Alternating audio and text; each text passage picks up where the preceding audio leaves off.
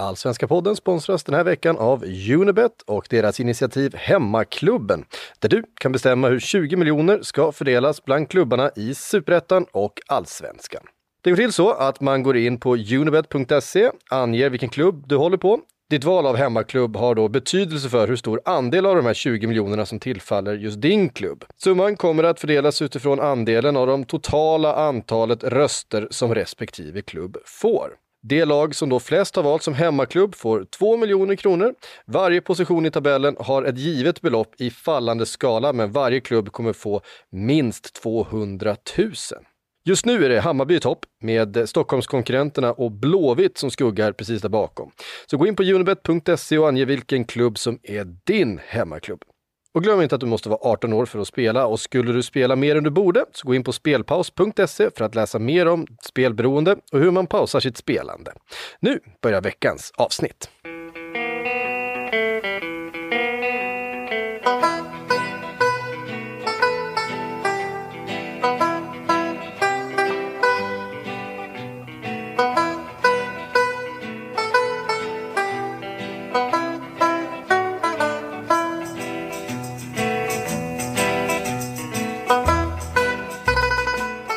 Hej och välkomna till den allsvenska podden som görs i samarbete med Robert Laul och Per Boman. Det är jag som är Laul och det är du som är Boman. Hej Per! Hej! Idag ska vi som vanligt svara på läsarfrågor, men framför allt bjuda på ett nostalgirace kring våra personliga favoriter när det kommer till guldstrider på 2000-talet.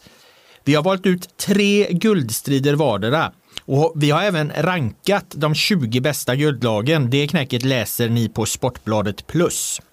Men innan vi seglar iväg på den här nostalgitrippen i podden, några uppdateringar så här i coronatider.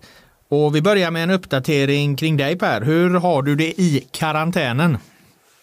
Nej, men eh, normalt sett så brukar vi tillåtas komma in på redaktionen den dagen vi ska spela in podd, men eh, Tyvärr så har jag fått lite halsont och ont i leder och sådär så jag, jag inte ens det här lilla, det här lilla, lilla andhålet i den här hemmakarantänen får jag bryta utan även när vi spelar in podd får jag göra det hemifrån då så att om det är något problem med ljudet det här avsnittet så beror det på att jag, att jag ligger i min säng och att jag inte riktigt, det, det, är, ingen, det är ingen normal studio. Så hur, bara så ni vet. Hur slår du ihjäl tiden då? Har du skrivit någon sång? Nej, nej, jag är ingen sång och dansman. Så jag läser lite böcker och så, så skriver jag de här jävla plusknäcken hela tiden. Så det, det, det, det är så jag löser min vardag. De här jävla plusknäcken, ja. Det är så vi ser på dem. Nej, de är jätteroliga. Såklart jätteroliga att skriva och är ju, eh, tror jag, uppskattade av läsarna. Men, eh, men eh, det krävs en del tankeverksamhet bakom. Så är det. Själv har jag varit iväg på något vi kallar eh, Sverigeresan. Vi åker runt, eh, jag och fotograf Pontus Orre och eh, skildrar hur idrotten påverkas av eh, coronakrisen eh, och alltså då inte bara eh, elitidrotten utan vi, vi försöker titta längre ner i, i systemet så att säga. Jag var iväg i, i helgen i Hudiksvall och träffade eh, Strands IF som arrangerar en stor ungdomskupp varje sommar. Den är nu hotad med anledning av eh, regeringens nya lag om eh, offentliga tillställningar, sammankomster. Det får inte vara över 50 personer. Det blir svårt att arrangera en ungdomskupp för 5 000 barn i åldrarna 10-15 år. I samband med det här träffade jag Fredrik Sundfors. Kommer du ihåg honom Boman? Ja men definitivt. Eh, han är ju på samma samma målvaktslegendarnivå nivå som han, vad hette han i Halmstad, Conny? Eh, Conny Karlsson va? Nej inte Conny Karlsson, hette han Conny Johansson? Ja just det, just det, just det. Eh, samma typ av eh, generation och så tänker jag ofta också på han Joakim Karlsson i Häcken va? Den minst estetiska målvakten i, i modern tid. Ja, Fredrik Sundfors var ju, eh, stod ju många, många år i, i GIF Sundsvall eh, på, på 00-talet där när de var uppe i allsvenskan flera år. Eh, vilket ju var, var anmärkningsvärt att Giffarna eh, var i allsvenskan på den tiden. Nu är de ju inte kvar där, och, men man, man, man har väl lite mer vant sig i alla fall eh, vid, vid att GIF Sundsvall lirade i allsvenskan då och då. Det, det, det var ganska unikt på på 00-talet eh, skulle jag vilja påstå. Eh, Fredrik Sundfors gjorde även ett par inhopp i landslagstruppen Eh, kom, kom, om du kommer ihåg vilka matcher han tillhörde truppen eh, så är, imponerar det Boman. Eh, alltså det var ingen januaritrupp utan det var riktiga Ja, det var, det var kvaltrupper faktiskt. Nej, men jag skulle tippa att det var, eh, när var han som bäst? Det var extremt tidigt 00-tal. Jag skulle tippa att det här var, oj, oj, oj, oj, oj, inför VM 2002 i så fall. Nej, det var kvalet eh, eh till EM 2004. Han hoppade in i ja. truppen eh, mot San Marino, en match som vi minns för eh, Zlatan snodde straffen av Källström. Och han eh, hoppade in i truppen i, i, i Polen, den följande Polen-matchen då när Sverige kvalificerade sig till, till EM eh, 2004. Jag tror att anledningen till att han Eh, fick hopp, jag minns inte det där riktigt, men det måste ha varit någon målvaktskris eh, då. Inget ont om Sundfors kvalitet, men, men han, eh, Fredrik Sundfors hade Lasse Lagerbäck som coach eh Eh, när Lagerbäck var nere på division 2-nivå i, i, i trakterna där Hudiksvall för, för, på 90-talet alltså. Och, och, av den anledningen så hade Lagerbäck nog ett extra gott öga till Sundfors och när det dök upp en lucka där i truppen då, då kallades han in och, och var med i truppen i de här två matcherna. Men mer blev det alltså inte. I alla fall, eh, Sundfors visade sig vara en, en god historieberättare och eh, han bjöd faktiskt på tre eh, anekdoter om Rickard Norlings enda år i GIF Sundsvall eh, 2005. Ehm, vi ska portionera ut de här anekdoterna eh, lite och jag tänkte börja, med att dra en av dem idag. Och den anekdoten är egentligen bara rolig nu med tanke på att, att Norling har blivit väldigt, väldigt framgångsrik eh, tränare, en av Sveriges, eller allsvenskans just nu mest framgångsrika tränare. Jag menar, han är en, han är en person med makt i fotbollssverige och därför så, så eh, tycker jag att man kan se den här eh, anekdoten som rolig. Den, den kan vara tveksam i ett, i, i ett annat läge och när det gällt en annan, en annan person. Men det var i alla fall så att när Norling kom till eh, till GIF Sundsvall 2005 så flög de till alla sina bortaresor, eh, truppen. Och, och eh, för att ja, de, stan ligger där den ligger och, och, och de, de fick flyga då. Eh, och varje gång de klev på planet eh, och, och, och, skulle ta, ta, lyfta iväg, då gick, jag tror att det ska ha varit Fredrik Lundqvist, kommer du ihåg honom? högerbacken som var med, också var med på januariturné och ja, exakt. Sundsvalls bästa spelare förmodligen. Ja, just det.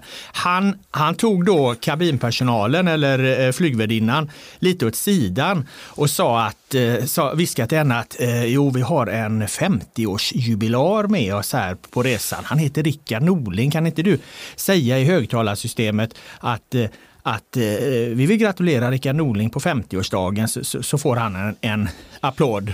Och grejen var ju att Rickard Norling var väldigt ung på den här tiden. Han kom ju från Stockholm, han var, han var 34-35 år och jag, jag, jag tolkar det mellan raderna som att man tyckte att Norling var, var liksom lite lillgammal på något vis. Han kom här med speciella idéer från, från, från Stockholm. Han var ju i samma ålder som några av de erfarna spelarna så att de, de drev ju med honom lite av den anledningen. Så varje gång liksom planet hade kommit upp i luften där på, på bortaresan under hela säsongen så, så, så sa de i högtalarsystemet att vi gratulerar Rickard Norling. Han fyller 50 år idag. Vi kan väl ge honom en applåd. Och, och Norling kunde eh, då eh, enligt historien absolut inte ta det här utan han liksom blev bara mörkare och mörkare i synen för, för varje gång. Och sen mot slutet av säsongen så hade de suttit där på planet. Fredrik Lundqvist hade eh, sagt till flygpersonalen att de skulle gratulera Norling på 50-årsdagen. Och då kommer eh, en i flygpersonalen fram till Fredrik Lundqvist och då råkar han sitta precis snett framför Norling och så säger eh, flygvärdinnan, tror jag det var, knackar Lundqvist på axeln och säger att du, vem var det vi skulle gratulera nu igen? Så att då förstår ju Norling vem, vem det liksom är som är intrigmakaren här och hållit på med det här, här hela jävla året. Eh, så att när de väl liksom planet har landat, då tar han in eh, Fredrik Lundqvist på, på, på hotellrummet och, och han får sig tydligen en, en jävla uppsträckning där, där Norling säger något i stil med att en gång är roligt, två gånger är okej, men tre gånger, det är mobbning. så att, och det har, det har han ju helt rätt i Norling. Men, men, men med tanke på liksom hur, hur bra det gick för, för hans karriär så, så, tycker jag att man kan skratta lite åt den här anekdoten så, så här i efterhand. Ja, jag tycker att den limmar ganska bra med, med, eh, med, eh, med, med min bild av eh, Norling överlag. Han har ju, ett, han har han har ju någon typ av rättvisepatos också som man kan inte alltid, som man inte alltid kanske får fram när man rapporterar om honom eller bevakar honom. Men han är ju, min bild är att han är jävligt känslig för typ den typen av um, Mm, skämt och sådär. Mm, men, eh, men eh, det, ja, det, det, visar väl att han, har, att han är någon typ av humanist på något sätt ändå. Ja, alltså i sak är det klart han har rätt. Här är det liksom ett garvat eh, eh grabbgäng där 2005 som, som antagligen kanske stör sig lite på Norling och tycker han är lite märkvärdig och kommer från Stockholm och allt, allt vad det är.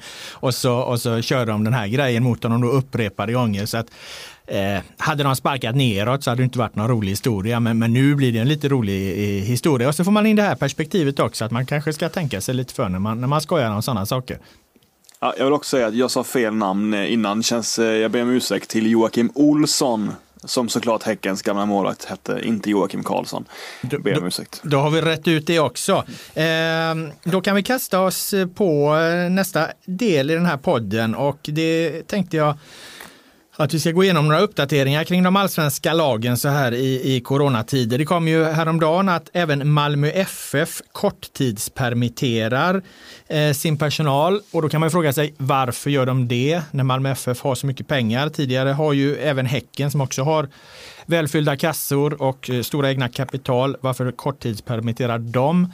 Jag tycker inte att man ska se det eh, ur det perspektivet att eh, de har gjort något bra innan. Det ska egentligen inte ligga eh, klubbarna i fatet för den situationen som nu har uppstått. Alltså de här korttidspermitteringarna, de tar ju sikte på den situation som har uppstått, att inget av lagen har ju egentligen några intäkter just nu. Om man då har varit väldigt duktig tidigare och, och, och sparat mycket pengar på banken och kommer komma ur den här situationen med en väldigt stabil eh, med en väldigt stabil grund som ju Malmö FF och Häcken kommer att göra, ja då, då ser jag inte det som något moraliskt eh, tveksamhet att korttidspermittera i det här läget när intäkterna plötsligt försvinner en månad eller två. Vad, eh, ser du det på något annat sätt? Nej, det låter, väl, det låter väl alldeles rimligt. Men jag skulle ändå uppleva att det, är, att det är ganska snårigt kring det här med permitteringar. Det är väldigt många som har en ganska otydlig bild av vad det, vad det ham, handlar om. Liksom. Vad, vad tror du att det beror på? Ja, det är inte så jävla konstigt egentligen för att det är ju heller inte helt klart än. Alltså, vad, som jag förstår det så, så eh, man kan ansöka om de här permitteringarna eller ansöka kan man göra, men, men det, det, ska liksom vara klart den 7 april. Eh, då ska, eh, eh kan anmälningarna på tillverks, Tillväxtverket eh, tas emot och då, då ska väl alla regler vara på plats. Och det är ju inte bara att få en korttidspermittering. Det är ju inte bara att staten kliver in och tar en stor del, del av lönerna. Det, det ställer också krav på alla företag, klubbar, föreningar i det här läget att, att de har gjort kostnadsneddragningar eh, eh, eh på olika sätt. Exakt vilka är väl heller inte klart än, eller det var inte klart när jag kollade på det senaste i alla fall, men det kan till, till exempel handla om att du måste göra dig av med alla konsulter eh, som, som, är kopplade till en, en, en verksamhet. Eh, så att permitteringarna är ju ingenting man bara får, utan det ställer ju även krav eh, på, på klubbarna att, att, att de måste ta en hel del andra tuffa beslut kring ekonomin, vilket ju är logiskt. Mm, absolut. Eh, med det sagt så, så kommer ju vi var inne på det redan förra veckan eh, ur perspektivet ekono ekonomi och, och, hur den här coronakrisen slår mot klubbarna. Oavsett allsvenskan kommer igång i juni med publik, utan publik eller om hela serien skjuts ytterligare senare så, så framstår det ju mer och mer som att Malmö FF eh, tack vare sin väldigt, väldigt starka ekonomi och även Häcken kommer att komma ur det här som väldigt stora vinnare. För att det blir tydligare och tydligare hur fotbolls-Europa kommer påverkas väldigt kraftigt ekonomiskt eh, av det här och tiden då spelaraffärer likt Odilon, han såldes från, från Bayern för 40 miljoner, Benjamin Nygren. Alltså den typen av affärer tror inte jag att vi kommer se på många, många år.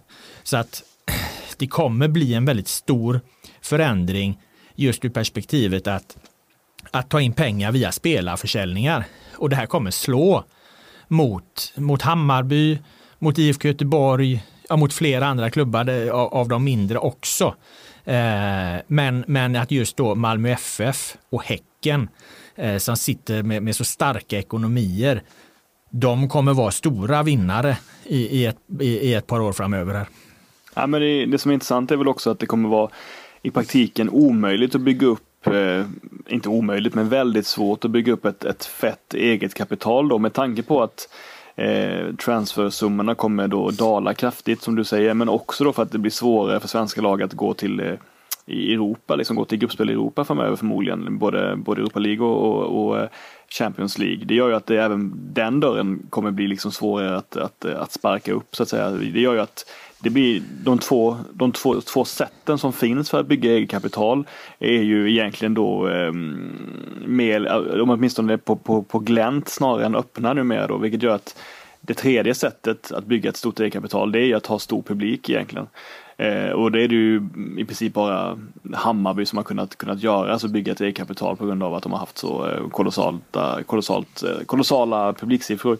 Ja, de har, dock inte kunnat bygga, ja, de har dock inte kunnat bygga något jättestort eget kapital eftersom som det, det, det har ju ätits upp i mångt och mycket av en dyr spelartrupp här om man tittar i, i, i närtid. Så det är, det är också en, en osäker väg. Alltså den höga publiken Eh, är ju bra för att så att säga hålla igång, eh, hålla igång en hög nivå på, på verksamheten. Att det kommer in ett inflöde av, av, av mycket pengar. Men att bygga egna kapital utifrån den har ju åtminstone inte Hammarby gjort eh, hittills. De har inte så mycket eget kapital. Jag tror att de ligger på 20 miljoner i, i, i bolaget och 50 totalt om du tar, tar in föreningen.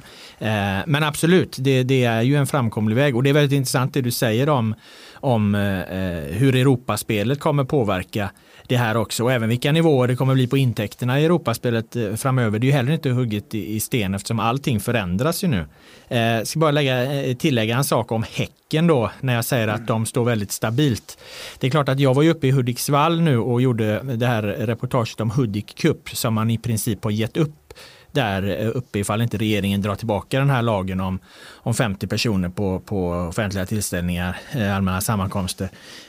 Um, jag pratade med en polis där som jobbade i den här föreningen, Strands IF, och, och frågade honom just, ja, men Gotia Cup med den här, med den här lagen? Nej, det, är alltså i princip omöjligt att, eh, att Gotia Cup ska kunna genomföras. Och det är klart att ställs Gotia Cup in så har Häcken fortfarande en så stabil grund att de kommer kunna hantera det.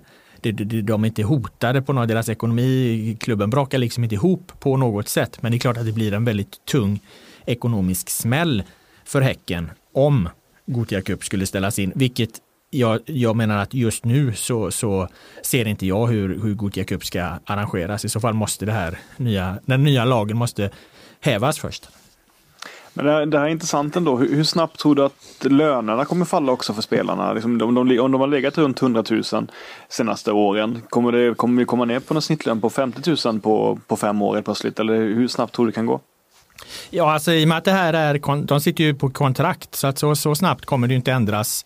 Eh, jag menar kontrakten gäller ju och, och, spelarna kommer väl se till sig själva först när det akuta lä eh, läget är över och, och, och, i så fall spela ut sina kontrakt och, och då får man ju se vilken liksom ny verklighet det skapar. Men om inte fotbollsbranschen återhämtar sig på ett par två, tre års sikt, då, då tror jag definitivt att vi, vi kommer få se eh, eh, sjunkande snittlöner. Men, men det finns ju också en möjlighet att, att på ett par års sikt så, så hämta sig i branschen och då är, det möjligt, då är det inte nödvändigtvis att det påverkas så mycket. Men, men liksom om det blir en permanent förändring där hela liksom fotbolls hela fotbollsbubblan spricker och, och allting ramlar ner till något slags nytt normalläge, då är det klart att, att, eh, att lönerna kommer åka med där.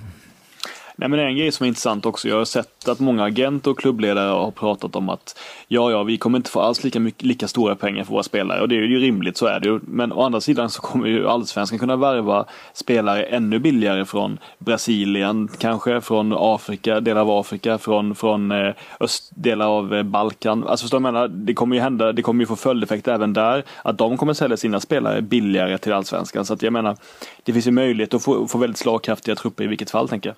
Ja, det gör det absolut. Och, och, eh, en annan väg som utveckling kan ta är ju att, eh, att man satsar mer på yngre egna spelare och att det läggs mer fokus där. Det där är, är, är svårt att veta.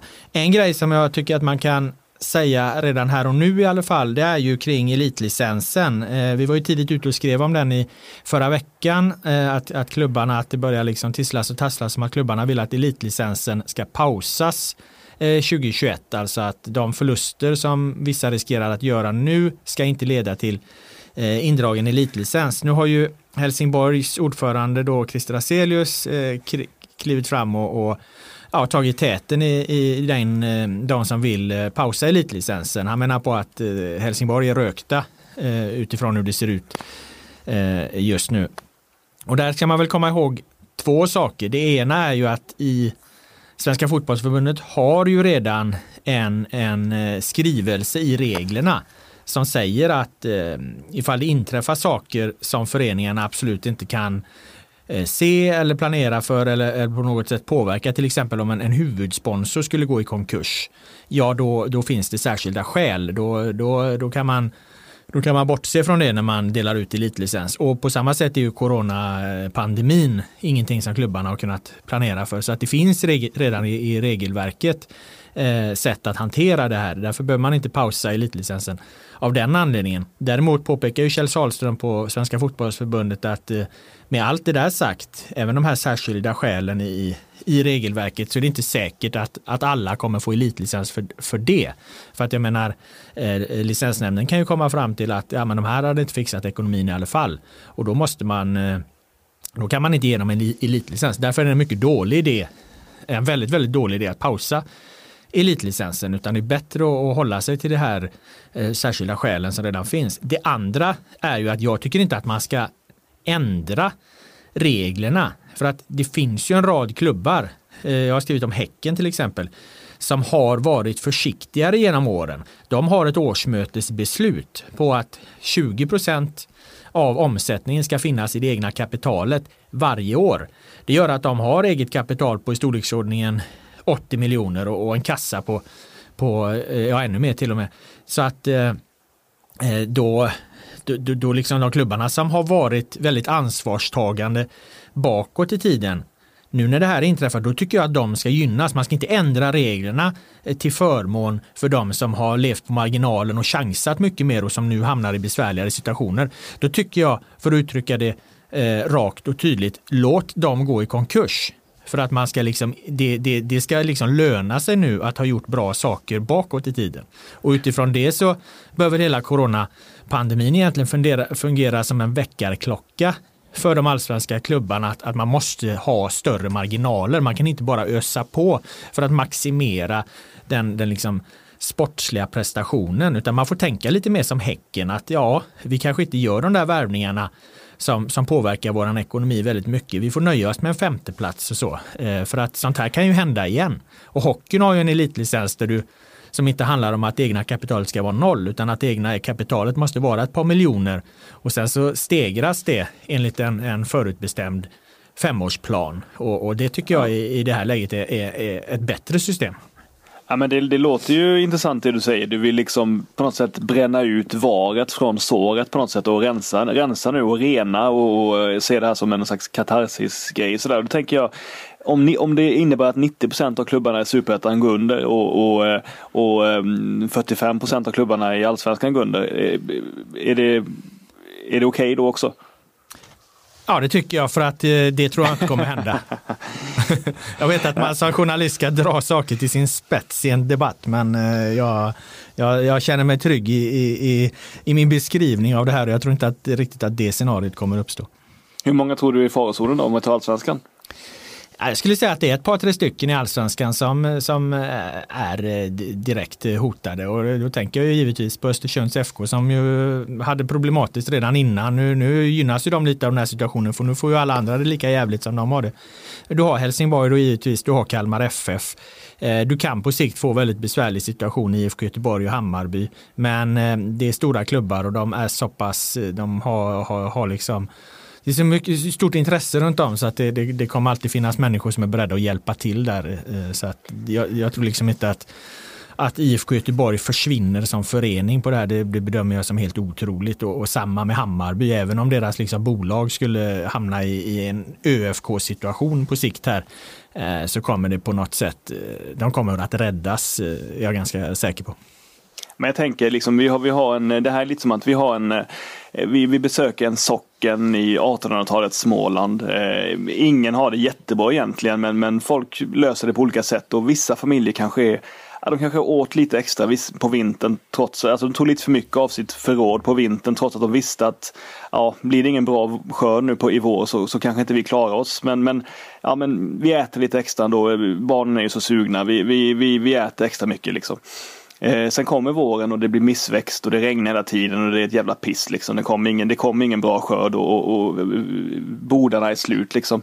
Ja, då kommer hjälpen kanske från, från centralorten. Eh, någon, någon rider ut med lite extra spannmål. Är det då Robert Laul kommer fram på vägen, stoppar stoppa eh, räddningsaktionen och säger låt dem svälta.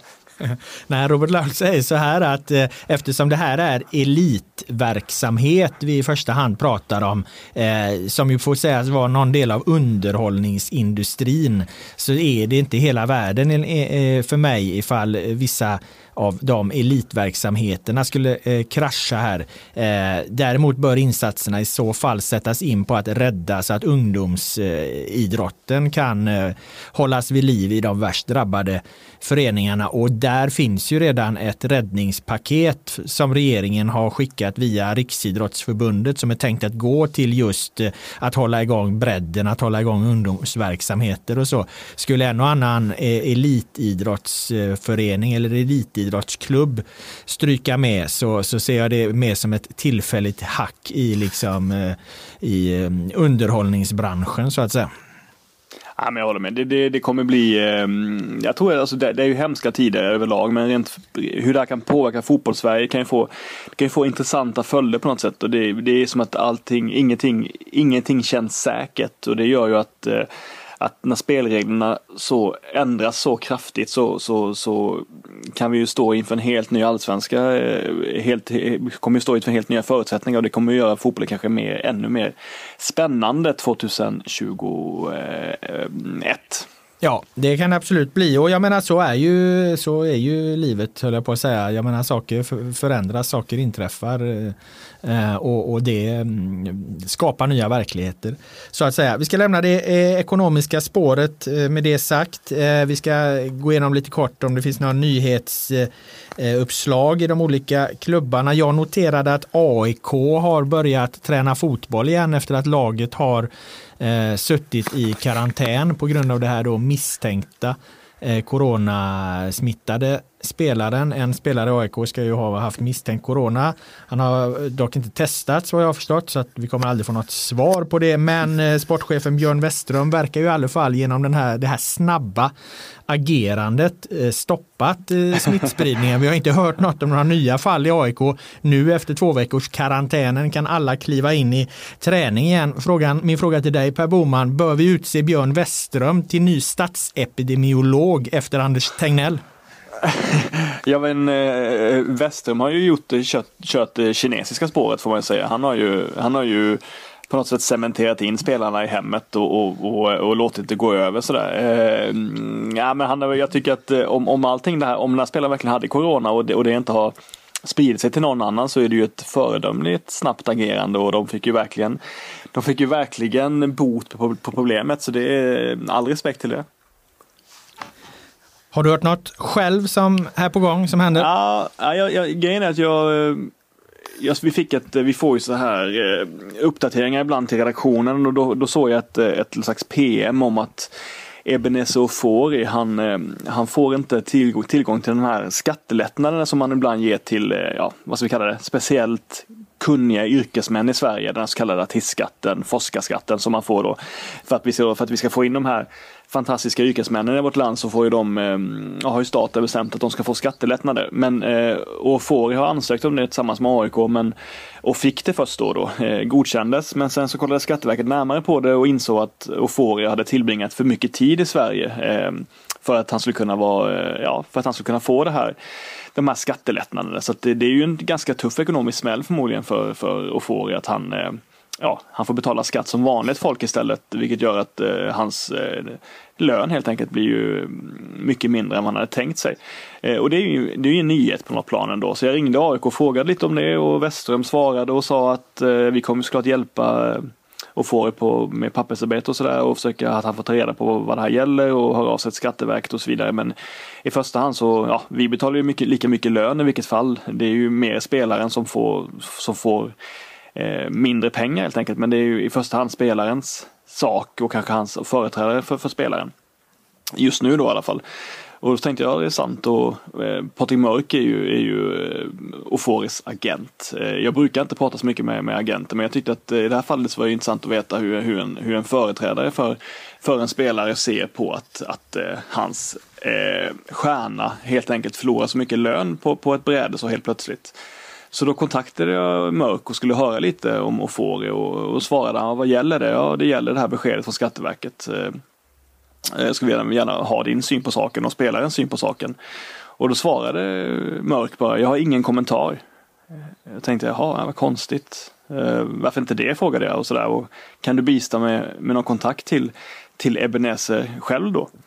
Och då fick jag inget svar från, från Mörk. Tänkte jag, jaha, då blev jag lite sur för jag menar jag kan vara lite irriterad på agenter ibland som, som alltid vill synas i samband med stora försäljningar och, och, när man lyckas med att få upp lönen för en spelare eller när, när det går bra liksom. Då, då vill ju agenter gärna synas i olika sammanhang och berätta hur viktiga de har varit för, för framgången. Men när man ska sola sig i glansen ja. Precis, men när man ska prata om någonting annat så är det mycket svårare. Så då, då skrev jag till honom. Då tolkar jag ditt icke-svar som att ärendet är inte är särskilt viktigt för dig och försöker nå Ebenezer på något annat sätt. Och då svarar ju Mörk att eh, det var en minst sagt udda tolkning av mig. Eh, och då tyckte jag att jag bad om ursäkt och sa att ja, men jag skulle gärna vilja få en kommentar från, från dig eller Ofori kring det här. Jag förstår inte vad som är så känsligt. Och då svarade han, jag har aldrig sagt att någonting är känsligt, jag vill inte kommentera bara.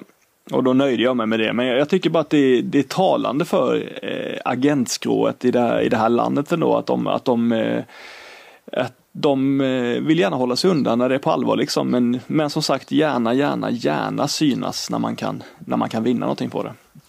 Ja, nej, men agenterna är ju, skulle jag säga, hela den här då fotbollsfamiljen som, som någon, någonstans eh, eh, är beroende av varandra och, och, och så säger, upplever jag liksom att eh, agenterna är det största problemet. De, de är bra i, i, i vissa enskilda fall. De kan be, behövas i, i vissa specifika eh, situationer. Men om, om, om eh, den här coronapandemin, vi talade om att den kan mynna ut i något gott. Då, det, det skulle också kunna betyda att, att 90 procent av, av agenterna som har gjort sig extremt rika under den här fotbollsbubblan, för de tjänar ju oproportionerligt stora pengar jämfört med med, med, med många andra eh, intressenter kring eh, fotbollen. Och de, de, de, jag menar, agentföretag kan ju ha hög, högre omsättning än, än vad stora klubbar har och det, det är ju fullständigt, fullständigt skevt att det har blivit på det där sättet.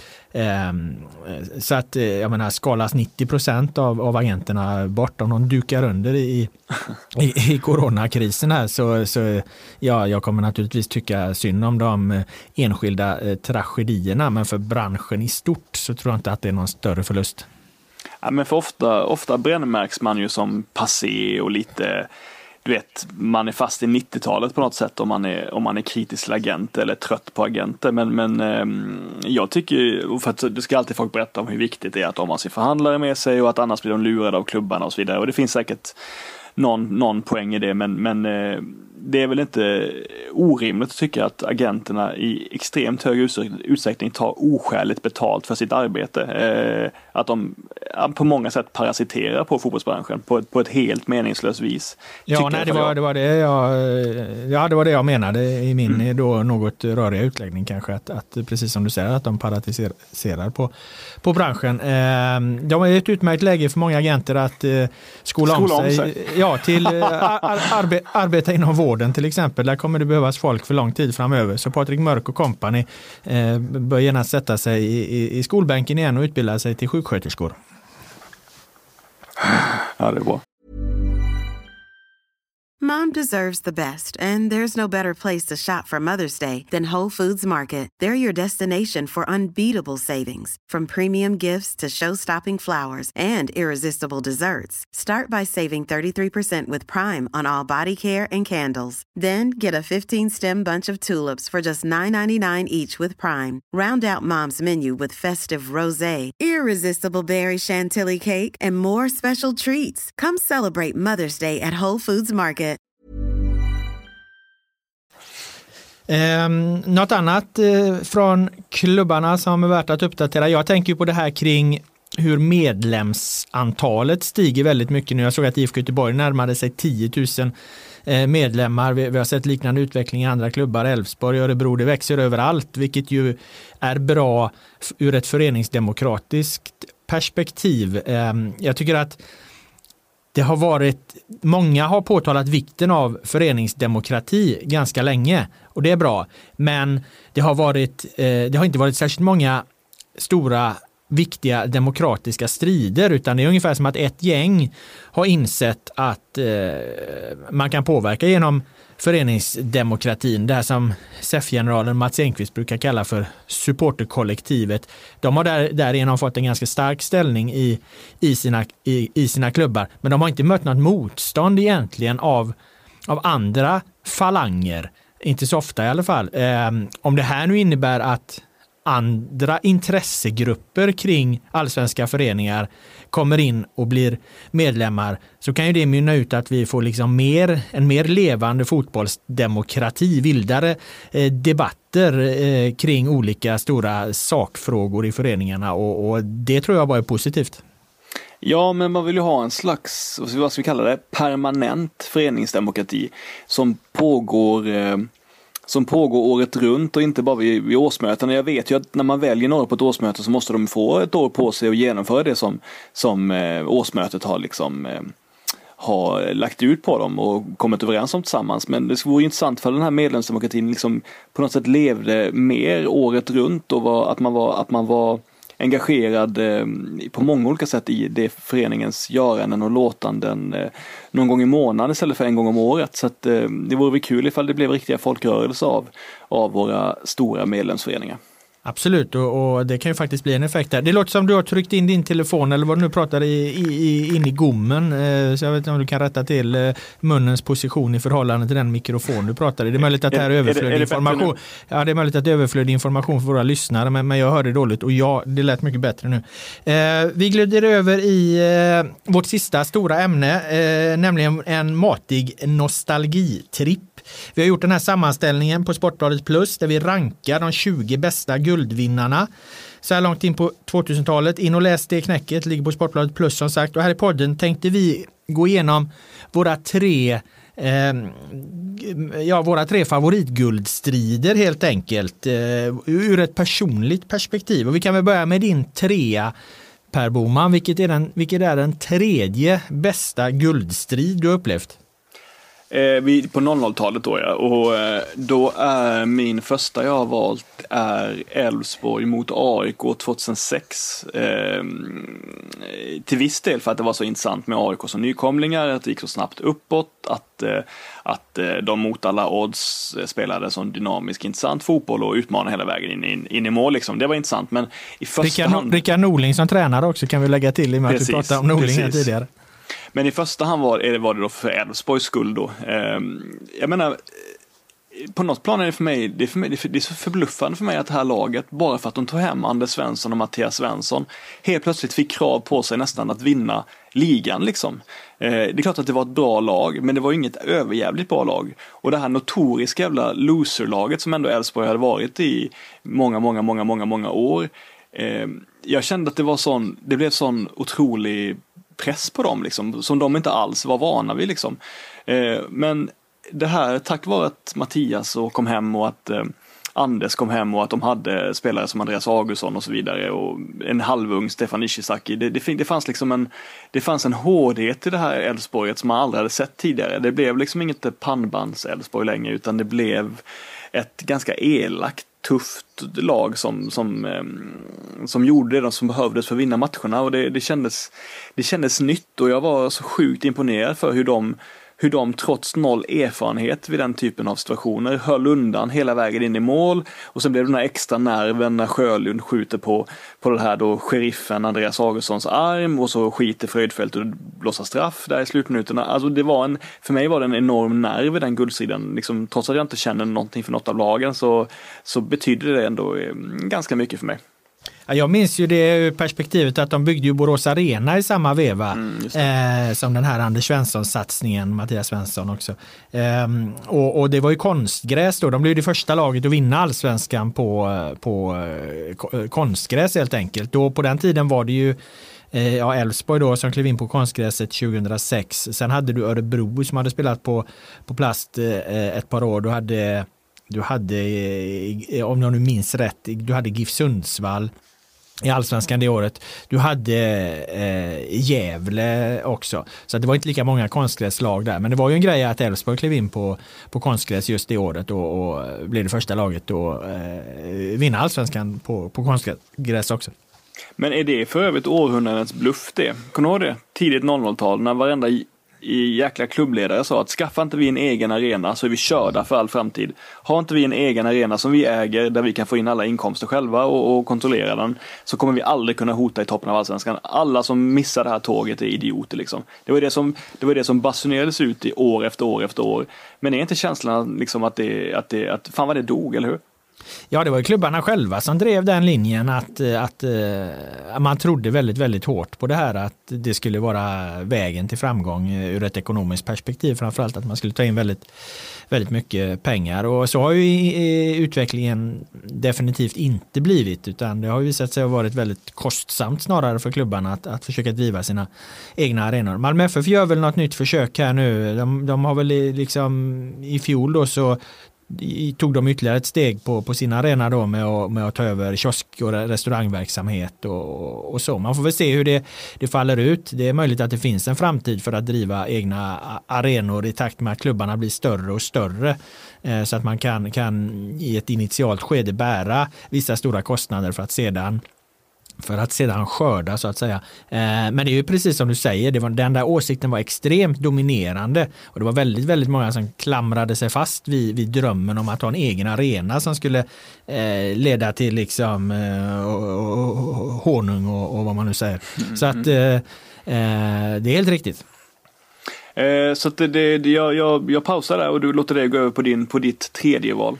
Ja, mitt tredje val är 2009 Ehm, Ehm, och guldstriden 2009 går ju till historien av, av några olika anledningar, men framförallt eh, för, för den här unika seriefinalen som uppstod när eh, IFK Göteborg och AIK möttes i en direkt avgörande match på Gamla Ullevi som för övrigt var ny, ny, nybyggd arena för IFK Göteborg på den tiden. Och de hade ju fram till den där matchen Eh, på eh, sista omgången mot AIK, då hade de ju inte, de hade inte förlorat eh, på, på Gamla Ullevi på den här nya arenan.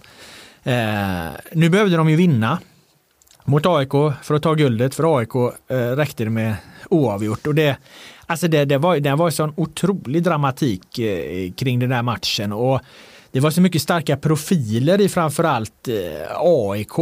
Eh, så det var ju liksom en fröjd att vara journalist och, följa det här då rövarbandet som, eh, som Micke Stare basade över med Martin Mutumba och Bojan Djordjic och Dooley Johnson och och Josh Hojfeldt och, ja, och det var ju väldigt, och Kenny Pavey ska vi inte glömma var med där också. Eh, och som sagt, de, de gillade ju att synas i media och, och, det var förbud, minns jag från Stara, att de fick inte fotograferas med, med, med bucklan, Lennart Johanssons pokal innan där. Vi brukar alltid vilja fotografera de lagen som ligger bäst till. Men det var ju bunkerorder från AIK att det fick, fick inte göra. Så då tog vi med, jag tror det var Dulle Jönsson eller om det var Päivi eller vem fan det var. Vi tog med dem upp i någon skog där i, i, i närheten av där han tränade och så, och så gömde de sig mer eller mindre med, med, med pokalen och, och vi fick en bild på det. Och Bojan checkade ju guldpytt då som är IFK Göteborgs grej innan de hade säkrat detta som var jävligt kaxiga och roliga AIK. Det var ju profiler i, i Blåvitt också som som svarade upp med det här då med, med Selakovic och, och, och Hussein och, och, och så. Och, och så var det ju liksom ja, det var ju de två största städernas eh, lag mot varandra i, i den här kampen och så ska allting avgöras i, i, i en enda match då på, på Gamla Ullevi. Och, och så vann ju AIK matchen och vem, vem är det som gör det avgörande målet? Ja, det är ju Daniel Tjärnström, eh, stora AIK-ikonen. Eh, och så hade du Motumbas tatuering och så som han berättade om efteråt. Han hade tatuerat in eh, två lax nio där innan innan allting. Alltså det var så oerhört många historier eh, kring det här. Sen vet inte fan om, om liksom om AIK egentligen var, var något fantastiskt fotbollslag. Det var de eh, eh, egentligen inte. Det var ingen jättebra årgång för svensk fotboll på något sätt. Men, men, men det var en otroligt eh, Eh, det har blivit en otrolig, eh, otroligt mytomspunnen den här guldfinalen, den här guldstriden mellan AIK och, och IFK Göteborg. Så jag minns jag väldigt väl och jag minns ju liksom när när AIK, när de hade när slutsignalen gick på Gamla Ullevi, deras supportrar liksom stormade in på, på eh, Göteborgs arena då. Det var man ju inte helt nöjd med, med i, i Göteborg förstås. Att den här, den här mörka horden liksom sprang in där och jag kommer liksom själv ha någon minnesbild av en, av en jätte jättelik, jättelik AIK-supporter. Han såg, såg ut som en, liksom, som en stor orch. Liksom. Han sprang runt där och jublade på, på, på Göteborgs arena. Han var helt vild och han skulle upp på läktaren. Liksom. Det kastade sig tre vakter och liksom hängde i honom och tryckte ner honom på, på marken för han skulle inte upp, upp, upp på läktaren där. Eh, äh, det var, var galna scener på många sätt. En jätteglädje då i AIK förstås. Människor vart ju liksom helt förkrossade. Göteborgs supportrar gick ju ner sig i missbruk och alla möjliga liksom effekter fick ju det här. Så att, eh, nej, det var en det var ett eh, dramatisk avslutning minst sagt eh, eh på 2009. Ja, men jag gillar ändå att ha den som nummer tre, för i, i, min värld så är den lite, det är liksom lite, det är inget finsmakarval, den är lite uttjatad och sådär. Alltså, även jag eh, var ju såklart helt begeistrad och helt tagen av den här sista matchen och allting och hela, hela, hela upptakten. Men precis som du sa, jag upplever att det var två, inget av lagen var, hade ett normalt år eh, kunnat hota om, eh, om SM-guldet. Tycker att det var en extremt svag, svag årgång som du säger av svensk fotboll. Jag tycker inget av laget var Eh, jag tror inte något av de här lagen hade, hade vunnit eh, ett normalt år. Så att, eh, nej, det var, det var, om man nu får vara en sån trist jävel så måste man säga att det var riktigt dålig fotboll i året. Så att jag, jag, för mig är den inte så högt upp. Nej, men det såg man ju på året efter också med AIK. De fick behålla ganska mycket av det där laget, men de gjorde ju totalfiasko då 2010. Det var ett katastrofår där med, med kom och ta oss och Stade drog till Grekland och, och, och Western fick kliva in och sen kom eh, den här galne skotten. Vad, vad fan, vad, vad heter han? Han, eh, kommer du ihåg han eller? Miller. Ja, Alex Miller. En av allsvenskans största profiler genom, genom tiderna. Eh, och kom han in och räddade dem. Men det är en helt annan historia. Vad har du mm. för eh, eh, plats nummer två? Ja, men, eh, min plats nummer två, alltså jag måste börja med min plats nummer ett faktiskt, för att de leder in i varandra uh -huh. på något sätt. Så att min, min, det, som, den som jag, det som jag tycker är bäst någonsin, den som resten av Sverige verkar hata, men vi, det här året som vi från södra Sverige verkligen uppskattade, det var ju 2010. Året då både väl Trelleborg och eh, Mjällby var topp 6 eh, och Helsingborg och Malmö FF gjorde upp i, i min värld den kanske mest episka mm, guld, guldstriden någonsin. Jag tycker att det var eh, fantastiskt att följa liksom Ehm, det unga Malmö med liksom Pekalski, Målins, Mehmeti och så vidare mot det här sura, eh, stenhårda, eh, roliga HF liksom med Gashi, Lantz, Lindström, Edman. Eh, det var en sån perfekt clash av två, av två världar. Ehm, och sen det här derbyt som, som väl avgjorde allting. Eh, I, vad blir det, oktober. Ehm, eh, Med Dardan Rexepe hoppar in från ingenstans, gör målet. Eh, berättar efteråt att, att hans favoritbok är Therese Raquin av Sola, vilket såklart Simon Bank älskar och har skrivit säkert fyra krönikor om. Alltså det, det, var, det, var, det var bara, det var bara mm, den här clashen mellan HF och, och, och Malmö 2010 tycker jag är minst lika mäktig som det här mellan Blåvitt och AIK 2009. Ehm, plus att båda lagen spelade extremt bra fotboll. Man ska inte glömma hur sjukt dominanta HIF var fram till, fram till sensommaren och de började ju serien helt sanslöst bra med 12 raka matcher utan förlust om jag, om jag minns rätt. Ehm, så jag tycker att 2010 eh, var ett, det mest underskattade året i allsvenskans moderna historia. 2010 var ju ett otroligt konstigt år. Eh, i alla fall nu när man tittar tillbaka på det. För att om man tar, du var inne på det lite där, om man tar topp 6 det året, då slutade alltså Mjällby, eh, som ju väl dessutom var, var, var nykomlingar, de slutade mm. sexa på eh, 43 poäng. Femma Trelleborgs FF. Fyra IF Elfsborg. Trea Örebro SK. Tvåa Helsingborg då och, och etta Malmö FF. Alltså det är topp 6. Tänk, det är bara tio år sedan detta. Alltså den där topp 6 den är fullständigt otänkbar idag med tanke på hur ekonomin Ja, nu får vi se vad som händer efter coronapandemin i och för sig. Va? Men, men, men alltså fram till den då, alltså med tanke på hur, hur ekonomin har dragit iväg och hur, hur liksom mäktiga de stora klubbarna, de här topp 7-klubbarna vi, vi brukar prata om. Alltså att, att den topp 6 bara ligger tio år tillbaka i tiden här finns ju ett slags större historiskt perspektiv när allsvenskan verkligen förändrades till en helt annan liga. Den tydligaste nedslagspunkten i det är ju året 2010. Om du ställer det i förhållande till vad allsvenskan har, har, har betytt idag. Man skulle kunna skriva en bok som tar sin utgångspunkt i allsvenskan 2010 och den topp 6-tabellen och hur förutsättningarna såg ut inför 2019 till exempel. Absolut. Nej men bara för att nämna någonting mer. Det var så, det var också liksom ett, ett år där man kunde det är klart att Norrköping gjorde något liknande 2015 och Elfsborg har också haft mycket egna produkter. Men det var intressant att Malmö kunde plocka upp så många unga spelare och bli dominanta. Liksom. De hade, de hade liksom haft det här Åke, Åkerby-pissåren och sen hade Nils, Ola Nilsson varit svajig till en början. Men sen så fick de ordning det här laget och jag menar Ivo Pekalskis 2010 eh, jag skulle säga att den, den insatsen han gjorde som ung spelare det året, det var precis under Kim Källström-nivå när Kim Källström slog igenom i Djurgården. Alltså Bekalski kunde blivit hur bra som helst. Alltså hade, han, hade, han haft, hade hans kropp fungerat så hade han utan tvekan eh, varit, gjort hundra landskamper för landslaget. Köper du det? Ehm, ja, med det tillägget att allt det där, eh, alla de där ommen och männen är ju också en del liksom av, av eh, det låter jävligt tråkig, hörde jag på mig själv där, men det är också en del liksom av vad som gör en bra fotbollsspelare. Du måste ju liksom ha med dig eh, eh, en fysik som gör att du inte får för mycket skador och du måste liksom underhålla och träna och så. Man glömmer ofta bort det, liksom. man tittar bara liksom på den rena eh, talangbegåvningen som syns på planen. Eh, byggandet av en, en framgångsrik fotbollsspelare är så mycket mer än så. Det vill men jag väl säga om det. Men kan jag få bara riksperspektivet? För om jag satt i södra Sverige och kände mig helt till mig över det som hände eh, i Allsvenskan 2010. Hur, hur var stämningen på Sportbladets centralredaktion?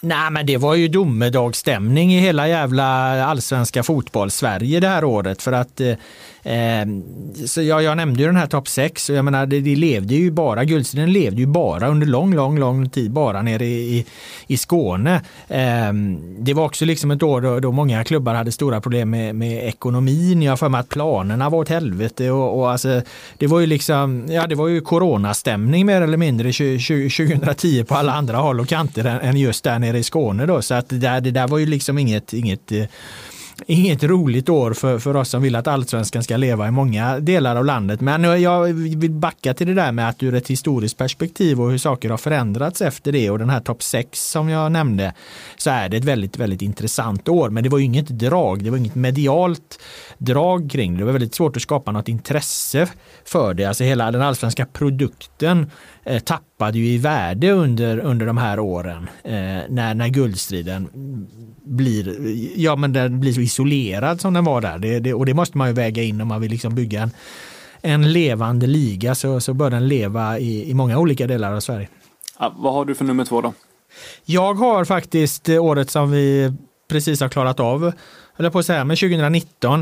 Eh, det ligger så färskt i minnet för, för de flesta så jag ska inte prata för länge om det. Men, men alltså det, som, det som är unikt med det året och det som fångade mig väldigt mycket är ju just det här ja, som tangerade det jag var inne på lite tidigare, det är att vi sitter ju utspridda sista omgången på tre olika arenor. Eh, vi sitter på Tele2 i, i, i Stockholm och ser eh, Hammarby mot Häcken. Vi sitter i, i Örebro på Bern Arena och ser Malmö mo, eh, Örebro mot Malmö.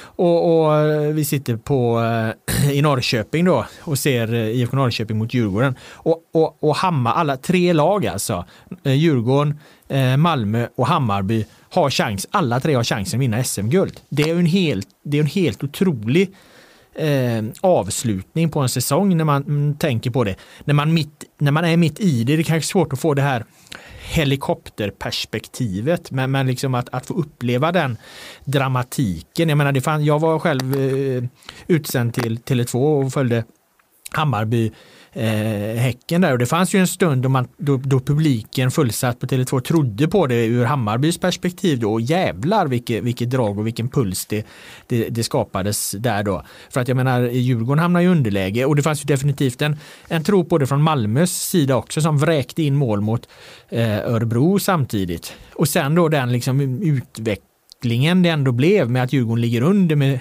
med med 2-0 och går ikapp till 2-2, tar den här poängen som, som behövs. Eh, det var ju, det, det är, eh, ja, jag kan inte påminna mig om att eh, någon annan avslutning har kokat ner i en så extremt eh, bred och, och, och, dramatisk avslutning. För till skillnad från 2009 då så, så var det tre lag inblandade här och tre matcher på slutet. Så det, det, var naturligtvis eh, fantastiskt. Sen, det var en lite annorlunda allsvenska för att det var så oerhört skill stor skillnad på toppen och botten. Det, var ju, det har aldrig varit lika tydligt hur, hur mycket bättre topplagen var än, än eh, bottenlagen och det såg man ju också hur poängen fördelades. Det var, vi har ju tre lag som ligger på 65-66 poäng och vi har en bottenstrid där de ligger på väldigt låg, låg, låg eh, få poäng.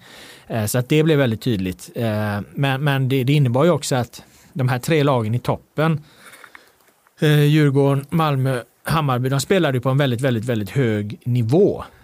Det är inte ofta vi ser tre allsvenska lag under ett och samma år eh, befinna sig på en så hög fotbollskvalitativ nivå som, som de gjorde här.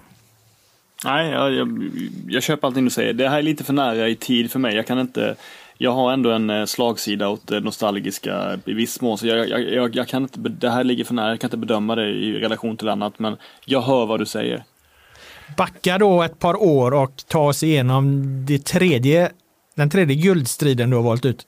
Ja, men, eh, äh, det här låter ju kanske då eh, som att man är liksom för mycket landsbygd och söder om, söder om huvudstaden. Men äh, mitt näst bästa då, mitt bästa var 2010, då är mitt näst bästa Helsingborg 2011. Äh, mest för att det är lite oförtjänt bortglömt hur, hur jävla bra de var. Alltså det var ingen guldstrid att tala om eftersom HF var så ja, praktiken överlägsna hela året. Men jag tycker det kändes rättvist att eh, efter att de, ja alltså Malmö förtjänade 2010 men, men HF hade varit så jävla bra 2010 också. Att det kändes rimligt att det här lagbygget skulle få skulle få eh, vinna 2011. Och det var, det, var, det var fascinerande att se hur den här lagmyspappan Conny Karlsson fick så jävla mycket skit från de etablerade spelarna, från veteraner som Edman och från, och från övriga som verkade liksom såga allt han gjorde i princip, verkade ha, ha verkade Mm, ja, men det verkade pågå någon typ av uppror konstant trots att poängen östes in liksom. Och sen ett av de finaste in innermittfältsparen genom tiderna, Maj Malango och Gashi.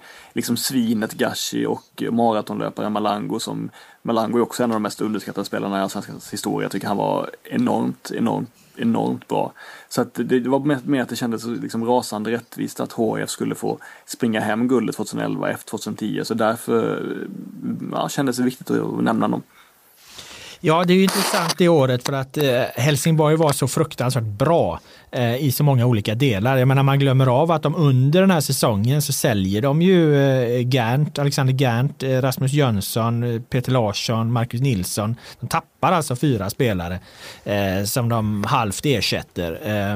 men de lyckas ändå liksom fortsätta att leverera på, på samma höga nivå. De avgör ju allsvenskan om det var fyra eller fem omgångar från slutet. Jag kommer ihåg att de slog Gais i, i, i Göteborg och så vart de mästare.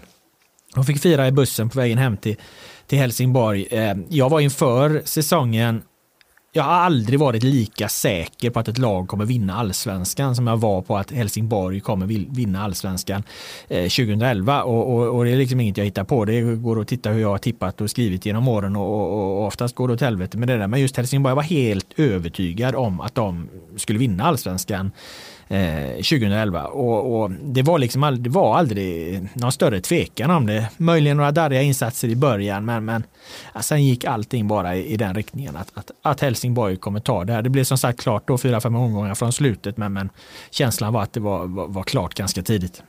Och visst och det, är det, det, det är ju, och det, det som var med det var det var egentligen inte för att det var alla andra var helt värdelösa. Utan det var för att Helsingborg var, var jäkligt bra det här året. Så att jag håller med dig om att den här ska absolut med på högt upp på en, på en lista. Och visst är de också, visst är den upplagan av HF ganska bortglömd, är det inte det? Det känns som att, det, det, det känns som att den nästan har raderats ur historieböckerna. Det är ingen som pratar om den, förutom vi nu då. Nej, det, och det är väl kanske för att eh, Helsingborg har dippat så oerhört efter det, varit nere i superettan och, och är alltid ett jävla trassel med ekonomin i, i den här föreningen och nu är det återigen nytt trassel. Så att eh, ja, det, det, det hänger väl ihop med det kanske. Ja, ge mig din etta nu då. Min etta, eftersom det här är en personlig lista, måste bli eh, 2001. Eh, det är absolut inte det bästa laget som har vunnit allsvenskan eh, under 2000-talet. Tvärtom skulle jag säga. Så det var ett att Hammarby lyckades eh, vinna 2001 är fortfarande på många sätt en, en, en gåta. Det var ett, ett eh, mediokert, eh, jämnstruket lag där som kom in i ett vansinnigt flow. och, och vi, vi, väntade hela tiden på att Hammarby skulle sluta vinna, att det här skulle ta slut, att det skulle gå över någon men det gjorde ju fan aldrig det. Liksom. De bara fortsatte vann och Hermansson fortsatte att springa på Markstedts skarvar. Och, och eh, ja, och, och, det som gör det så det som gör det så speciellt för mig ur en personligt perspektiv var att jag hade börjat jobba på Sportbladet eh, samma år. Jag började där på våren 2001. Sportbladet hade precis startats och eh, stora satsningen på, på allsvenskan och på idrott och ta idrott på allvar. Allting hade precis börjat och det sammanföll liksom med, med, med att allsvenskan växte något oerhört de här åren. Jag menar, det var ju Stockholm började publiken vallfärda tillbaka till,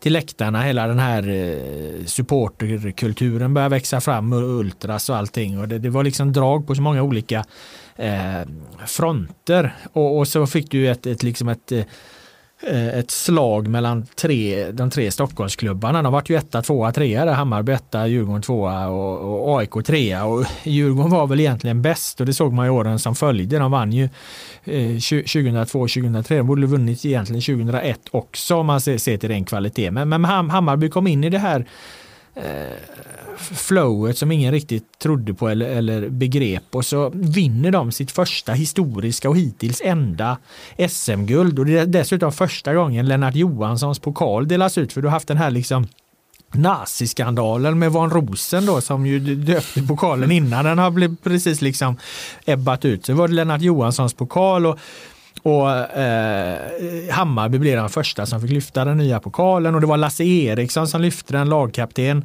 eh, gammal landslagsmålvakt. Och Lasse Eriksson var väl egentligen, om vi ska vara ärliga, var väl den enda kvalitetsspelaren i Hammarby det året tillsammans med Kennedy Bakircioglu som fick sitt genombrott då. Så att man liksom blickar tillbaka på det här, de enda som liksom inte var, jag låg någonstans och dallrade mellan två och tre plus eh, var väl egentligen Kennedy och, och och, och Lasse Eriksson, även om de andra liksom just det här året någonstans spelade över en förmåga de, de aldrig varit på tidigare och, och heller aldrig kom tillbaka till. Och, och, och, som sagt, Sportbladet, alltså vi öste ut artiklar om det här. Det var ju liksom, vi skulle göra böcker och, och äh, det, det, var sånt jäkla drag på alla, på alla fronter. Eh, kring det här. Det händer mycket i journalistiken, i sportjournalistiken, det händer mycket på läktarna. Det, och, och, och, den här då striden med, med, med Hammar, Hammarby som ingen trodde på. Så att jag tror ingen guldstrid någonsin kommer kunna utplåna de intryck som, som det gav mig personligen att befinna mig eh, i periferin av den här händelsen och, och rapportera om det. Och så. Vet du vad jag minns mest från, eh, från den avslutade matchen 2001? Mellan Hammarby och Örgryte? Eh, nej, men vad, ja just det, det var den. För de vann, de avgjorde ju eh, eh, i näst sista omgången vart det klart. Det var då det var karneval på Söder. Eh, men vad minns du? Nej, vad fan. Nej, nej, nej, det var inte helt klart för den sista omgången väl? Nu tänker jag fel nu? Ja, jag tror du tänker fel, men det kan vi dubbelkolla. För att det var inte sista omgången. Ja, näst sista, skitsamma. Ja. Eh, eh, det är ju Christian Hemberg-hypen. Fan vad det snackades mycket om Christian Hemberg, Hemberg hela tiden. Gjorde inte det? Var inte han liksom, hypas inte han som en av svensk fotbolls nästa stora spelare i princip? Eller är det bara något minne av att han, att han liksom skulle springa sönder allting och att det var ett, Jag menar den matchen tycker jag, det var nästan lika mycket fokus kring Christian Hemberg som det var kring Hammarby. Kan det här vara fel? Ja, det är möjligt. Jag har inget minne av, av, av den hypen. Det beror nog på var, var du befann dig i. För att eh, om man tittar på hur det rapporterades i tidningarna och så på den tiden så var det ju sida upp och sida ner med, med, med Bayern. Eh, det är i alla fall min, min minnesbild. Ja, men jag backar. Ja, men det, det, det var väl de tre då? Var? Ja, det skulle jag absolut säga. Eh, eh, vi har ju med, alltså, det är oerhörda minnen från, från många av de andra också. Men det här är i alla fall de som på mig har eh, eh satt, eh, gjort starkast av, eh, avtryck. Hallå? Ja, absolut. Ja, du är kvar? Ja. ja. Eh, nej, men vi ska ta och runda av den här podden. Vi ska göra det med några läsarfrågor. Eh, jag, vi kom ut ganska sent på sociala medier med att vi skulle spela in den här podden så han inte få in så jäkla många men det kan vara bra för vi har babblat ett bra tag här nu. Eh, Padembo Turay fyller tydligen eh, 40 år idag. Påminner en läsare oss om. Vilket är ditt bästa minne av Padembo? Jag har inget. Eh, jag eh, har inget? Nej, men jag tycker om Padembo precis som, som alla andra människor, men jag har svårt för de spelarna kultspelarna som alla bara ska älska och tycka om jättemycket. Jag tycker Padembo är helt okej okay, och en bra målvakt och verkar vara en, en, glad kille. Men jag, för mig är inte han den där kultspelaren som han verkar vara för många andra. Eh, jag minns ju en match på eh, Stadion var det ju, mellan mot eh, Djurgården-Malmö FF. Malmö vann med 1-0. Padembo blir i slutet av matchen utvisad. Han tar med hands utanför straffområdet och får ett rött kort när det står 0-0. Eh, Djurgården får göra byten då och kasta in Tommy Vaiho i målet. Malmö trycker på mot slutet och Jimmy Durmas drar ett ganska otagbart skott i, i krysset som Vaiho är chanslös på då. Eh, så, så efter slutsignalen är vi nere i omklädningsrummet och så ska vi snacka med Dembo då om, ja, nej men det kändes lite som att det var det var hans fel då att han hade dratt på sig den här utvisningen och, och målet hade kommit efter det och så. Men Dembo såg det absolut inte på det sättet utan han riktade ju istället liksom en salva mot, eller salva och salva, det var inte hans stil att rikta en salva, men han, han var i alla fall väldigt tydlig på, på att det, jag hade tagit den. Jag hade tagit det här skottet. Jag har, jag har längre armar än Tommy Vaiho, jag hade tagit det. Och, och det var ju rubriken på, på, på hela det här. Då. Jag hade Dembo kolon, jag hade tagit den. Och det var ju en indirekt sågning av, av stackars Tommy Vaiho då som Ja, vi fick ju bära hundhuvudet för den här förlusten fast, fast den egentligen var ju Dembo Torhais fel med tanke på hans utvisning. Och sen ska han ju, i det läget skulle han ju eh, givetvis varit tyst. Han skulle inte säga att jag hade tagit den, men det blev en jävligt rolig artikel i alla fall. Så att eh, varje gång jag tänker på, på Dembo Torhai så är det första som slår mig i det citatet Dembo kolon, jag hade tagit den. Man kan ju inte vara en sån där varm, härlig kille egentligen då som man vill ha honom till. Han kanske inte, han inte förtjänar att vara den där kultspelaren som alla, som alla älskar. Ja, du vill ju sänka Dembo Turay här nu då bara för att du har fått för dig att, eh, att eh, man inte ska hylla dem som alla andra hyllar. Jo, men han var, jag tycker att Dembo var en jättefin och härlig människa. Jag tycker det är naturligt att han, att han har fått eh, den stämpeln. Och jag tror som sagt inte han menade något Eh, något illa med det där. Han var kanske bara ärlig helt enkelt. Han kanske hade tagit den, vad fan vet jag. Jag menar, jag har aldrig varit särskilt imponerad av Tommy Vaiho som, som målvakt och det var, var väl inte Dembo heller då. Även om Vaiho gjorde en väldigt fin säsong 2019 ska vi tillägga. Eh, en annan fråga vi fått här, hur kan förbundet hjälpa klubbarna ekonomiskt? Eh, vi har varit inne på det så mycket, men vi kan ju bara, eller jag kan ju bara förtydliga min åsikt. Jag tycker inte när det kommer till elitverksamheten att förbundet ska hjälpa dem så mycket och hålla dem under armarna här, utan elitverksamheten får helt enkelt klara sig igenom den här krisen eh, bäst de kan och, och med de eh, tillbudstående medel som finns. Eh, men det är viktigt att hålla igång eh, ungdomsverksamhet och, och föreningslivet och, och, och, så här. Sen så kan det bli så att man på vissa håll får man ta nya tag och börja om från början. Jag är helt enig Eh, i den frågan, eh, måste jag säga. Vad bra. Då tackar jag dig Per för dina kloka analyser och synpunkter. Vi tackar alla som har lyssnat. Tvätta nu händerna. Följ myndighetens övriga rekommendationer. Den allsvenska podden är förhoppningsvis tillbaka nästa vecka. Nu blir det Washington Square med The Village Stompers.